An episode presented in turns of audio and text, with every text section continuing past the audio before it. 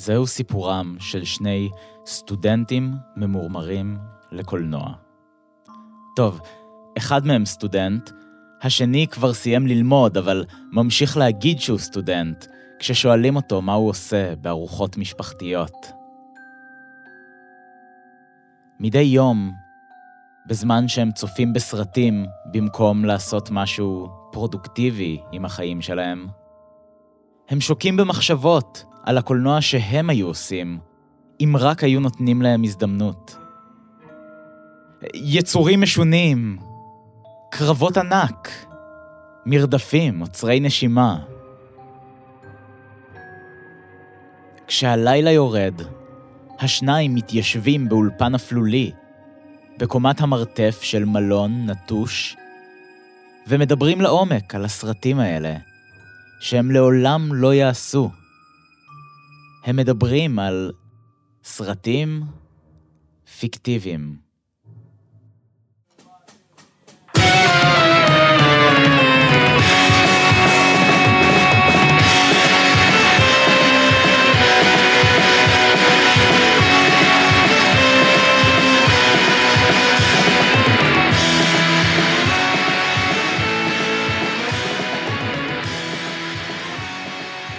ברוכים הבאים לסרטים פיקטיביים, הפודקאסט שבו אנחנו ממציאים רעיונות לסרטים שאנחנו אף פעם לא הולכים לעשות.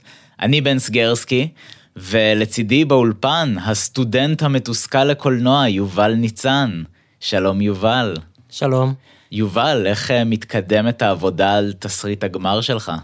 אתמול אה, הכנתי ביצת עין, וכל החלמונים נשברו לי במחבת, אז יצא שפשוט הכנתי חביתה גרועה.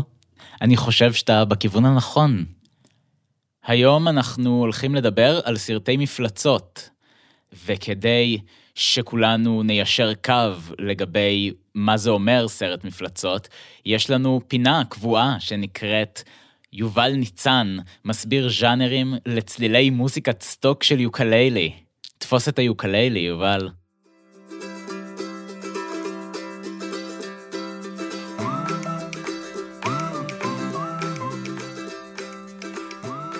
אז אה, סרטי מפלצות. סרטי מפלצות זה ז'אנר רחב בצורה מפתיעה. אה, הוא כולל סרטים מגוונים כמו צורת המים, שזכה השנה באוסקר, גודזילה כמובן, אה, הזבוב של דיוויד קרוננברג, ואפילו מפלצות בעם. ואלו סרטים שהם כל כך שונים אחד מהשני, שזה קצת מפתיע שהם שייכים לאותו ז'אנר. גודזילה זה על קבוצה של בני אדם שמנסים לשרוד כש... מפלצת ענקית הורסת את העיר שלהם. הזבוב זה על בן אדם שהופך למפלצת. צורת המים זה על סיפור אהבה בין אישה למפלצת. מה שמשותף לכל הסרטים האלו, זה שבכולם יש יצור לא אנושי שיש בו אלמנט כלשהו של סכנה. כאן אה, מנחם הורוביץ, שווה בדיקה, מדריד. היום אנחנו הולכים להמציא שני סרטי מפלצות ישראליים שאנחנו היינו רוצים לעשות. אה, ואנחנו הולכים לעשות את זה עם האורח שלנו כאן באולפן, מבקר הקולנוע המהולל של ynet, ארז דבורה. שלום ארז. שלום, שלום, שלום וברכה. אנחנו הולכים להתחיל היום עם הסרט שלך, ארז. ספר לנו עליו. על, על החזון, אני אפרוס את החזון. איך קוראים לו? הטוחנים. הכנרת. מקור החיים. פיוט שלו ורוגע של נוף ארץ ישראלי. אך מתחת לאדוות מסתתרות מלטעות קטנות. אחת, ועוד אחת, ועוד אחת. מישהו שפך להקת דגי פיראנה על הכנרת, ובעוד שבוע חגיגות ה-75 שנים לקום המדינה. זהו סיפורם של אנשים מהמגוון העשיר המרכיב את החברה הישראלית. בראשם עומדת הגיבורה הצעירה, ורבת התושייה, תות בוסקילה, שלא תרשה לאף זומם מזימות לפגוע בתואר המנגל המשפחתי.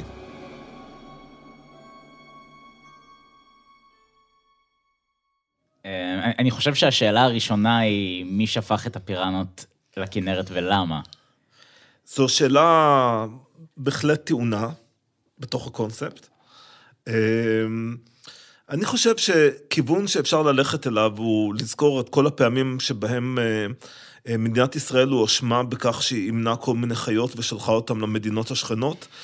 אה, למשל, נשר שתפסו בערב הסעודית, יונים במצרים, הכריש שהבריח אנשים בשארם א-שייח, אז גם כן אמרו זה כריש של המוסד, והיו סנאים שתפסו באיראן. אז, אז בוא נאמר את זה ככה, למה ש... ממילא זה מה שחושבים על מה שישראל עושה עם, עם בעלי חיים. אז בוא נאמר שהמקום הנראה הנכון הוא, נקרא לזה סוג של מבצע ביולוגי, זואולוגי שיצא משליטה. אני ניסיתי לחשוב מי, למי יש אינטרס להרוס את יום העצמאות ואת האחדות הלאומית, והגעתי לתשובה המתבקשת, שזה לשופטי בג"ץ. וחשבתי, מה עם אה, מרים חיות, נשיאת בית המשפט העליון, היא בעצמה שפכה את הפיראנות לכנרת אה, כדי להרוס את יום העצמאות. אני חשבתי אולי על אה, טייקון מקיסריה, שהשכנה, אה, שרוצה את רצועת החוף, אה, כמו בסופרמן הראשון, Aha. אבל לא הצלחתי לחשוב על טייקון מושחת מקיסריה. יש כל כך הרבה. אז הורדתי את זה מהשולחן, אבל אני חושב שחיות אה, שמאומנות על ידי אה, הצבא הישראלי או המוסד הישראלי זה רעיון מצוין, כי זה פותח את זה לפרנצ'ייז שלם. תמיד תחשוב בגדול, אל ת... כי סרט אחד זה, אנחנו לא חושבים פה בסרט, אנחנו חושבים בפרנצ'ייז. אני חושב שהמערכה הסופית יכולה להיות דגי פיראנה נגד אה, צבאים מאומנים. על ידי שופטי בג"ץ? לא, יש, אה, אתם צריכים להבין שיש גם לחמאס יחידה שמפתחת אה, כלי נשק אה, זואולוגיים כנגד הישראלים. אפשר לעשות עם זה לא מעט. יכול להיות שתות בוסקילה היא בעצם שליחת הסברה והקרב בסרט הוא על התודעה של הפיראנות, המפותחות שכלית. זאת אומרת, הם, המוסד עזר להם לפתח מודעות, ואז הם התחילו לשאול את עצמם שאלות על לאום ועל קולוניאליזם. אני, אני יותר מזה, אני רוצה לכבד את דגי הפיראנה. אני רוצה שהם יהיו הקורבנות של החברה הישראלית.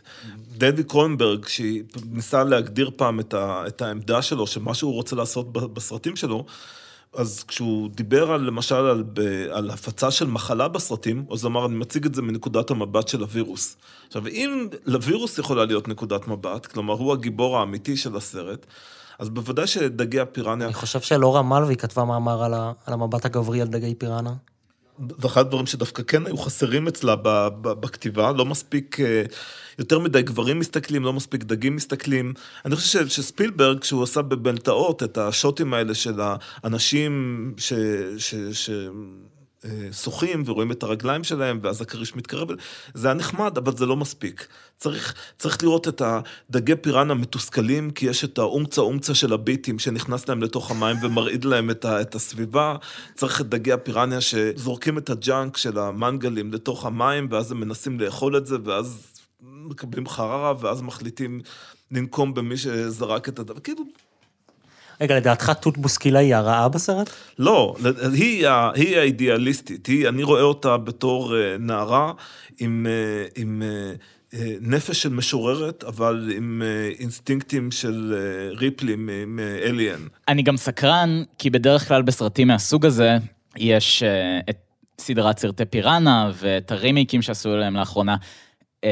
תמיד יש סצנות של קורבנות תמימים. שעבורם בעצם הקהל מגיע, ובדרך כלל באמת בסרטים אמריקאים, אה, זה זוג שבורח מהמחנה קיץ, אה, או שזה חבורה של צעירים, ורציתי לדעת מי יהיו הקורבנות בכנרת. אז התשובה היא שברמה המהותית נראה, כולם אשמים. למשל, אה, מריאלה בת יער, לשעבר בטיטו, שרת הטקסים של מדינת ישראל, שאחראית לארגון החגיגות של ה-75 שנה למדינה, וכמובן... כל כך ראיתי את זה מגיע. זה חייב להגיע, זה חייב להגיע. ו- ומה עם אה, יוגב עוז, המפקד המורעל של הטירונים של אה, האשכנזי היחידי בגולני, שלא קולט כמה שכל הפקודים שלו שונאים אותו ומחכים לסגור איתו את החשבונות בהזדמנות הראשונה. או... ארתור וג'רלדין, שני צדיינים בפטיסטים שמגיעים אה, לכנרת והם כולם רוטטים מרוב התרגשות שהם הולכים אה, להיכנס אה, למים ו, ו, ובמקום שבו ישו צעד וכיוצא בזה. כלומר, יש, יש פוטנציאל אה, לסיפורים של אה, דמויות שאיכשהו איכשהו מתחככות אחת בשנייה בתוך, ה, בתוך הטריטוריה הזו של, של הכנרת, והפיראנות הן יכולות להיות השופט והתליין, אה, שיעבוד שעות נוספות בסרט. אני סטודנט בבית ספר לקולנוע שאני לא אנקוב בשמו, אבל הוא מתחרז עם אה, סיר קיגל,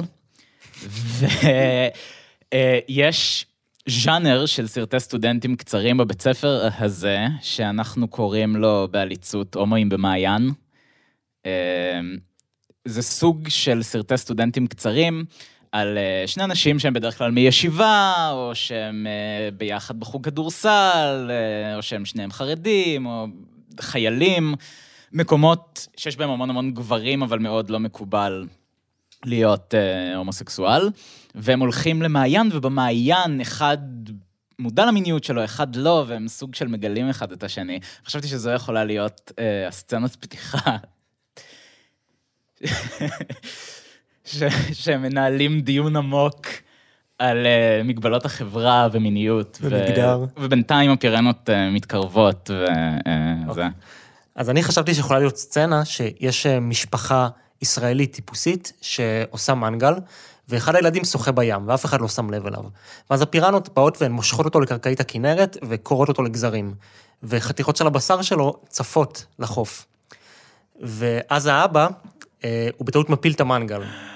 וחתיכ... וכל הבשר נופל על החול, והוא מחליט אה, להרים את, ה... את הבשר ולנקות אותו לפני שמישהו ישים לב, כי, כי פדיחה.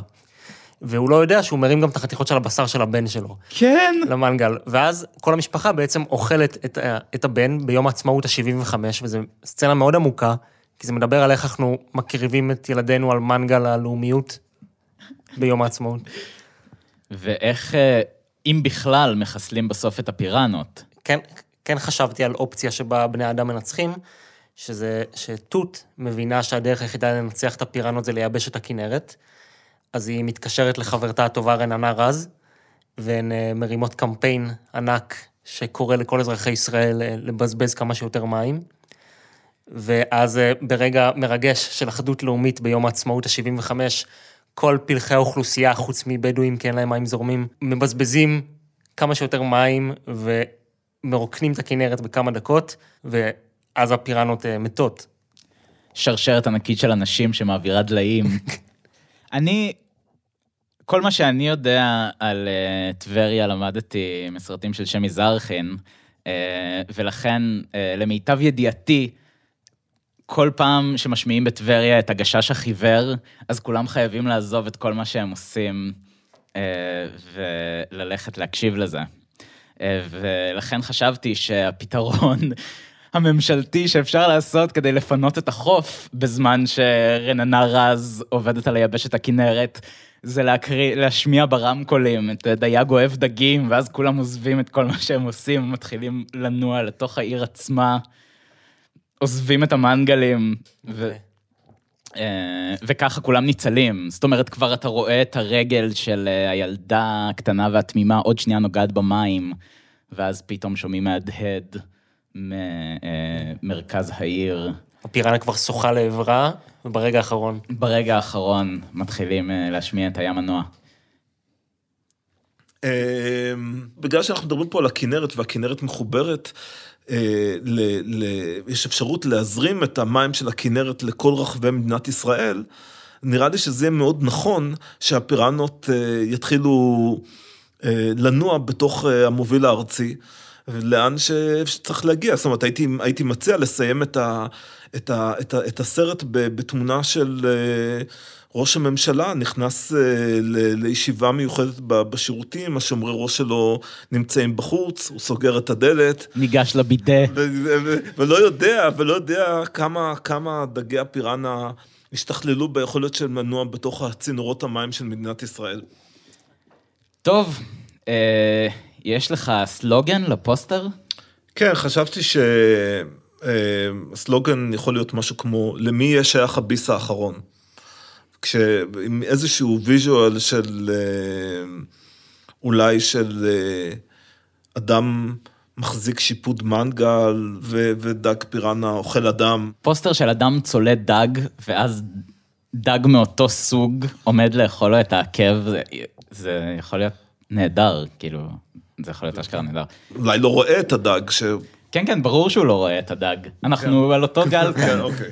לי יש כמה סלוגנים, הראשון זה מועדים לשמחה, מועדים לצרכה, ה- השני זה ארץ טוחנת יושביה, הש- השלישי זה הם רצו לחגוג יום הולדת למדינה, אך מי שתחגוג היא הפירנה.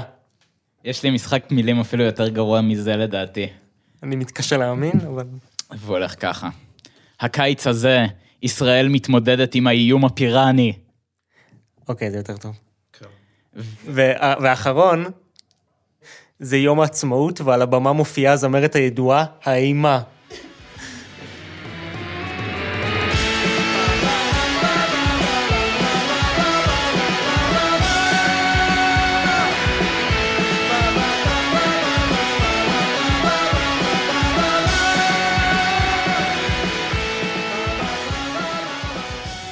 בן, אה, נעבור לסרט המפלצות שלך? כן, אני אשמח. יופי, כי כי אנחנו צריכים. אחרת היינו צריכים למלא חצי שעה. אמ, לסרט שלי קוראים אימת איש הצבר, והוא הולך ככה.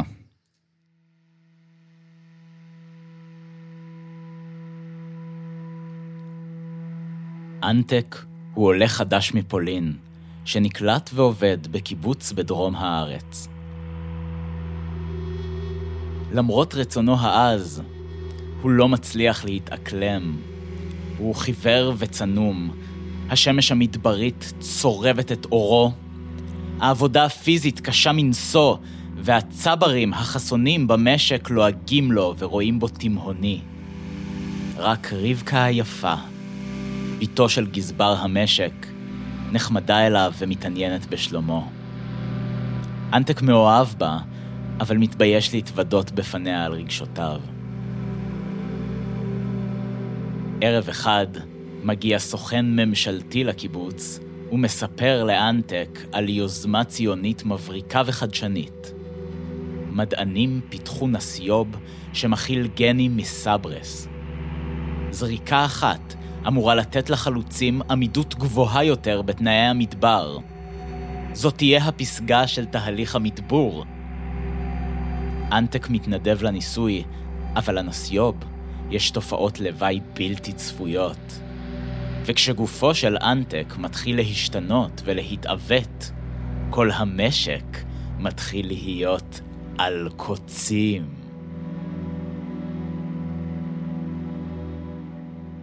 קודם כל, על איזה תקופה אנחנו מדברים כאן?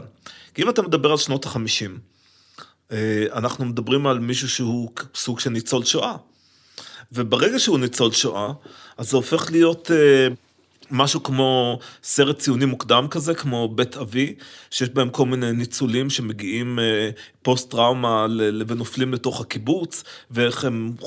הטראומות צפות, ו... וכל מיני דברים מזכירים להם, ואיך הסביבה מתייחסת אליהם. כלומר, זה פועל בתוך, כאילו זה בעצם לקחת את הסיטואציה השואתית, ולהפוך אותה למשהו שאתה מטפל בו בכלים של, של פנטזיה, של סרטי מפלצות, כמו שגיירמו דל טורו, הבמאי, הבמאי המקסיקני ש, שהמפורסם, השתמש ב, ב, בסרטים כמו המבוך של פן, או The Devil's Backbone, כדי לטפל במלחמת האזרחים בספרד. כלומר, שאתה לוקח סיטואציה של טראומה לאומית, ואז אתה משתמש בכלים של פנטזיה, גם עם אלמנטים במקרה הזה של, נקרא לזה מוקצנים, מגוחכים, כדי, כדי לטפל בה. אני חושב שהוא ניצול שואה, אבל אני, אני חושב שזה צריך להיות מאוד מאוד עדין. כי מספיק לזרוק משהו קטן על העבר שלו, והמאמרים האקדמיים שיישפכו על איך הכל בעצם הזיה שלו. סרט, סרט הרי לא, ערכו, אי אפשר לאמוד את הערך של סרט אם אתה לא סופר כמה טקסטים אקדמיים נכתבו עליו. זאת אומרת, זה הדרך היחידה בעצם להעריך, להעריך סרט קולנוע. אז, אז, אז פה אני אומר לך, זה מה שאתה רוצה. אתה רוצה אנתולוגיה אקדמית שיוצאת כל שלוש שנים על הסרט שלך, אז אתה חייב להכיל, להכיל את, ה, את הטרול, לתת להם את השואה. אוקיי, אז אמ, נראה לי שהשאלה הראשונה שלי זה איך ולמה הוא פוגע בחברי הקיבוץ. אה, זו אכן שאלה טובה. אני חושב שהוא גיבור טרגי. אה, זאת אומרת, בהתחלה הוא לא רוצה לפגוע באף אחד, ובזמן שהגוף שלו מתחיל לגדל כל מיני מורסות כאלה, שהם בעצם אה, גבעולים של אה, סברס, וכל מיני ורידים ירקרקים צומחים על הגוף שלו, וקוצים מתחילים רק להבליח, כי תהליך המטמורפוזה לסברס הוא הדרגתי. כולם מסתכלים עליו כאילו הוא מצורע וצוחקים עליו, ומהרגע הזה, אני חושב שהוא ינקום. אני חושב שאחרי שהוא לוקח את הנסיוב, צריך להיות איזה רגע ש... שנראה שהנסיוב עובד, כפי שהוא תוכנן, אה, ואולי אנטק הולך לגדיד התמרים של הקיבוץ, ופשוט מזנק על העצים, וקוטף את כל, ה... את כל הפירות בכמה דקות, וכל הקיבוצניקים נדהמים, ו... מזמינים אותו לפאב של הקיבוץ, ואולי אז רק אה, רבקה פתאום שמה לב אליו. אה, אני אגיד יותר מזה, לילה אחד הם הולכים לעבודה בלול, אה, ובכניסה ללול, אני יכול להעיד על זה מניסיון, צריך להתקלח, כי הלול הוא סטרילי.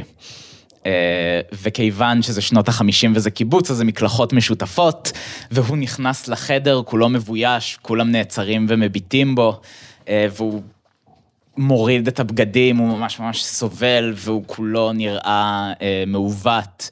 וכולם פשוט מתפקעים מצחוק, ואז הוא נעלב ובורח, ורבקה, שגם היא במשלוח, גוערת בהם ורצה מהר אחריו ותופסת אותו, והוא אומר לה, אני מפלצת, תעזבי אותי, והיא אומרת לו, לא, הם המפלצות.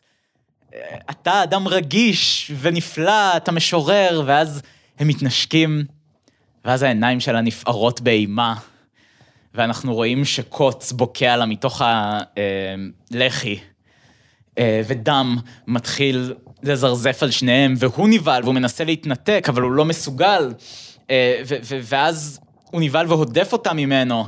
ואז כל הלחי שלה נקרעת, ויש דם בכל מקום, והיא צורחת אה, מכאב. ואנשים מהקיבוץ מגיעים והם חושבים שהוא עשה את זה בכוונה, הם חושבים שהוא מפלצת והוא בורח.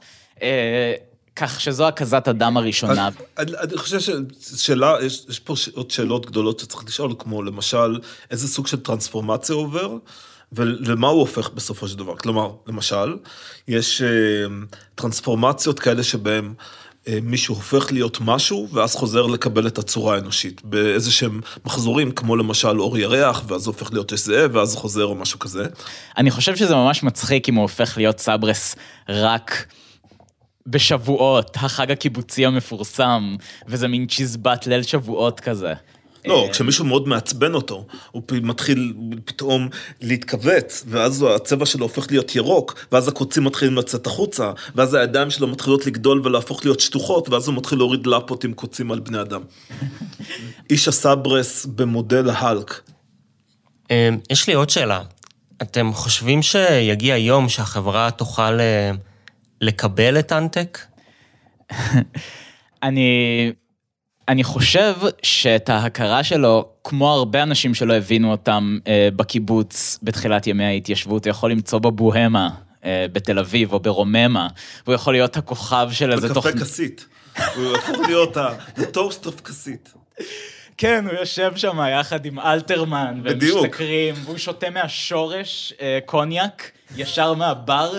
הוא יורה קוצים על מבקרים ספרותיים שעוברים כדי להצחיק את החבר'ה. הם שותים, ואז הוא דופק, אה, כן. והם מתים על זה, גבריאל מוקד מת על זה, הם עושים אה, תחרויות כליאה למטרה. יוצא עם יונה וולך.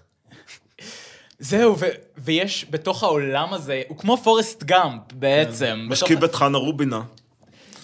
זאת אומרת, במקור תותים נקרא אה, סברס, אבל אה, אחר כך, אה, בגלל סופו הטרגי, היא שינתה את זה, כי זה הזכיר לה אותו, והיא לא יכלה להתמודד עם זה. אמ, ואני חושב שהדרך שבה הוא נוקם בחברי הקיבוץ, כלומר, הכוח שלו, זה שבזמן שהוא שם בעיר, שותה קוניאק יחד עם גבריאל מוקד, הוא מכניס שורשים מתחת לאדמה עד לקיבוץ בדרום, והוא מייבש את הקיבוץ, את כל התוצרת החקלאית שלו, והם לא יודעים מאיפה זה מגיע, ולאט לאט אה, גזבר הקיבוץ ומרכיז הקיבוץ מתחילים להיות פרנואידים, אבל הם לא מסוגלים להוכיח את זה, ובסוף הם נוסעים לעיר יחד עם אה, לפידים, אה, שאני מניח שהם מבעירים רק כשהם מגיעים לעיר. למרות שזו סצנה מצחיקה אם הם מדליקים אותם בקיבוץ, ואז ההמון הזוהם עם הלפידים פשוט נוסע. כן. הם גם מוציאים למרכז. אוטובוס או משהו עם הלפידים? כן. יש לך רעיון לסרט המשך? אה, כן. אה, יצא קצת עצוב משציפיתי. אה, זה כמה עשורים לאחר מכן, אז סוכנים ממשל, ממשלתיים מגלים את המחקר של ניסוי הצבר, ומחליטים לנסות אותו שוב. סיימון, פליט מאריתריאה, מתנדב לניסוי כשמבטיחים לו בתמורה אזרחות ישראלית ומשכורת חודשית חלומית. והניסוי שוב משתבש, כמו שהוא השתבש בפעם הקודמת, וסיימון הופך למפלצת סבא רצחנית, וסרטונים שלו משתגע בדרום תל אביב והורג אנשים, אה, רצים ברשתות החברתיות, משמשים כתעמולה נגד הפליטים, לאלו שרוצים להוכיח שמבקשי המקלט הם כולם רוצחים ופושעים. וסיימון מבין שהוא לא יכול לשלוט בכוחותיו, ושהנוכחות שלו מסכנת את בני הקהילה שלו, אז הוא מחליט לחזור לאריתריאה ברגל, אבל בדרך, באמצע המדבר, השינוי שלו אה, נגמר והוא הופך לקקטוס, והוא נידון פשוט לבעוט בחולות האינסופיים, והנחמה היחידה שלו זה שהבשר המתוק שלו משמש את אה, הפליטים מאפריקה שהולכים בדרכם לישראל. אוי, זה ממש מתוק, זה הרבה פחות מפגר ממה שאני קיוויתי שזה. זה המוטיב הקניבלי מכה שוב. חשבת על סלוגנים? חשבתי על סלוגן אחד, העלייה החמישית וקוץ בה. למעשה גם אני חשבתי על הסלוגן הזה. זין. אבל יש לך משהו? אני, אני, אני הלכתי על, ה- על הקלאסיקות, אתם, אתם תאהבו אותו כשהוא מתעצבן. חוץ מעלייה וקוץ בה, חשבתי על עוד סלוגנים. אה, הוא רצח בשדות, וקשה מבחוץ, צמא לנקמה מבפנים. זה טוב מאוד. טוב, אה, אני חושב שסיימנו להיום. המון המון תודה, ארז דבורה. על עוד דבר, תודה רבה. על עוד דבר. תודה ליובל ניצן. תודה לך. תודה רבה לטכנאי ההקלטה שלנו, אה, תום בייקין אוחיון. תודה למפיק, דוד גודמן. תודה רבה לעורכת, תות שגיא. ותודה רבה לכם, מאזינים פיקטיביים. אני בן סגרסקי, אה, להתראות.